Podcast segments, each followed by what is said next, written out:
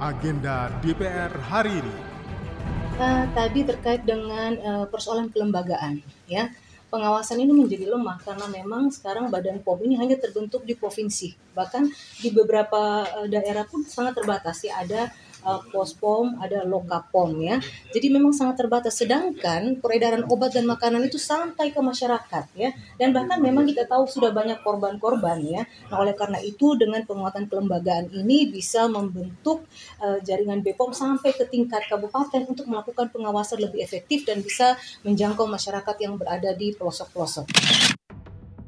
Kembali Anda ikuti agenda DPR hari ini, Senin 8 Mei 2023, bersama saya Doni Suprianto. Kita mulai dengan agenda pertama, pada pukul 9 waktu Indonesia Barat di Ruang Abdul Muiz, digelar pembukaan pelatihan kepemimpinan pengawas tahun 2023. Kita berlanjut ke pukul 10 waktu Indonesia Barat, di mana di ruang radio parlemen berlangsung penjurian naskah lomba orator bintang orator radio parlemen bertempat di Nusantara 2 lantai 2 yang diikuti oleh 264 peserta umum dari seluruh tanah air dengan tema lomba rancangan undang-undang tentang pengawasan obat dan makanan. Dalam kesempatan tersebut, penilaian dilakukan langsung oleh anggota Komisi 9 DPR RI Panja Rancangan Undang-Undang POM Ratu Ngadu Bonuwula dari fraksi Partai Nasdem Dapil NTT 2 dalam sambutannya beliau berharap ke depannya acara lomba orasi bintang orator radio parlemen lebih lama waktu persiapannya sehingga banyak peserta yang dapat mengikuti perlombaan ini.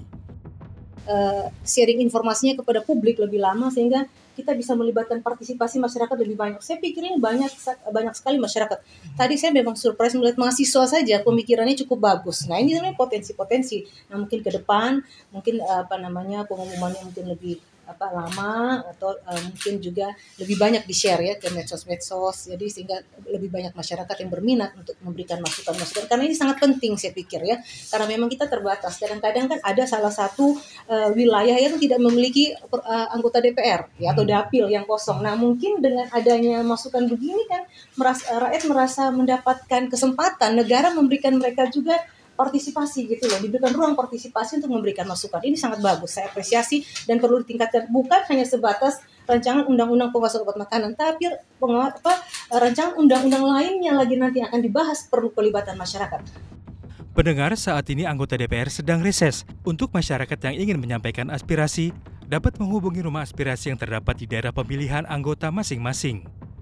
Demikian agenda DPR hari ini. Untuk informasi selengkapnya, simak dan ikuti media sosial TV dan radio parlemen. Saya Doni Suprianto. Sampai jumpa. Agenda DPR hari ini.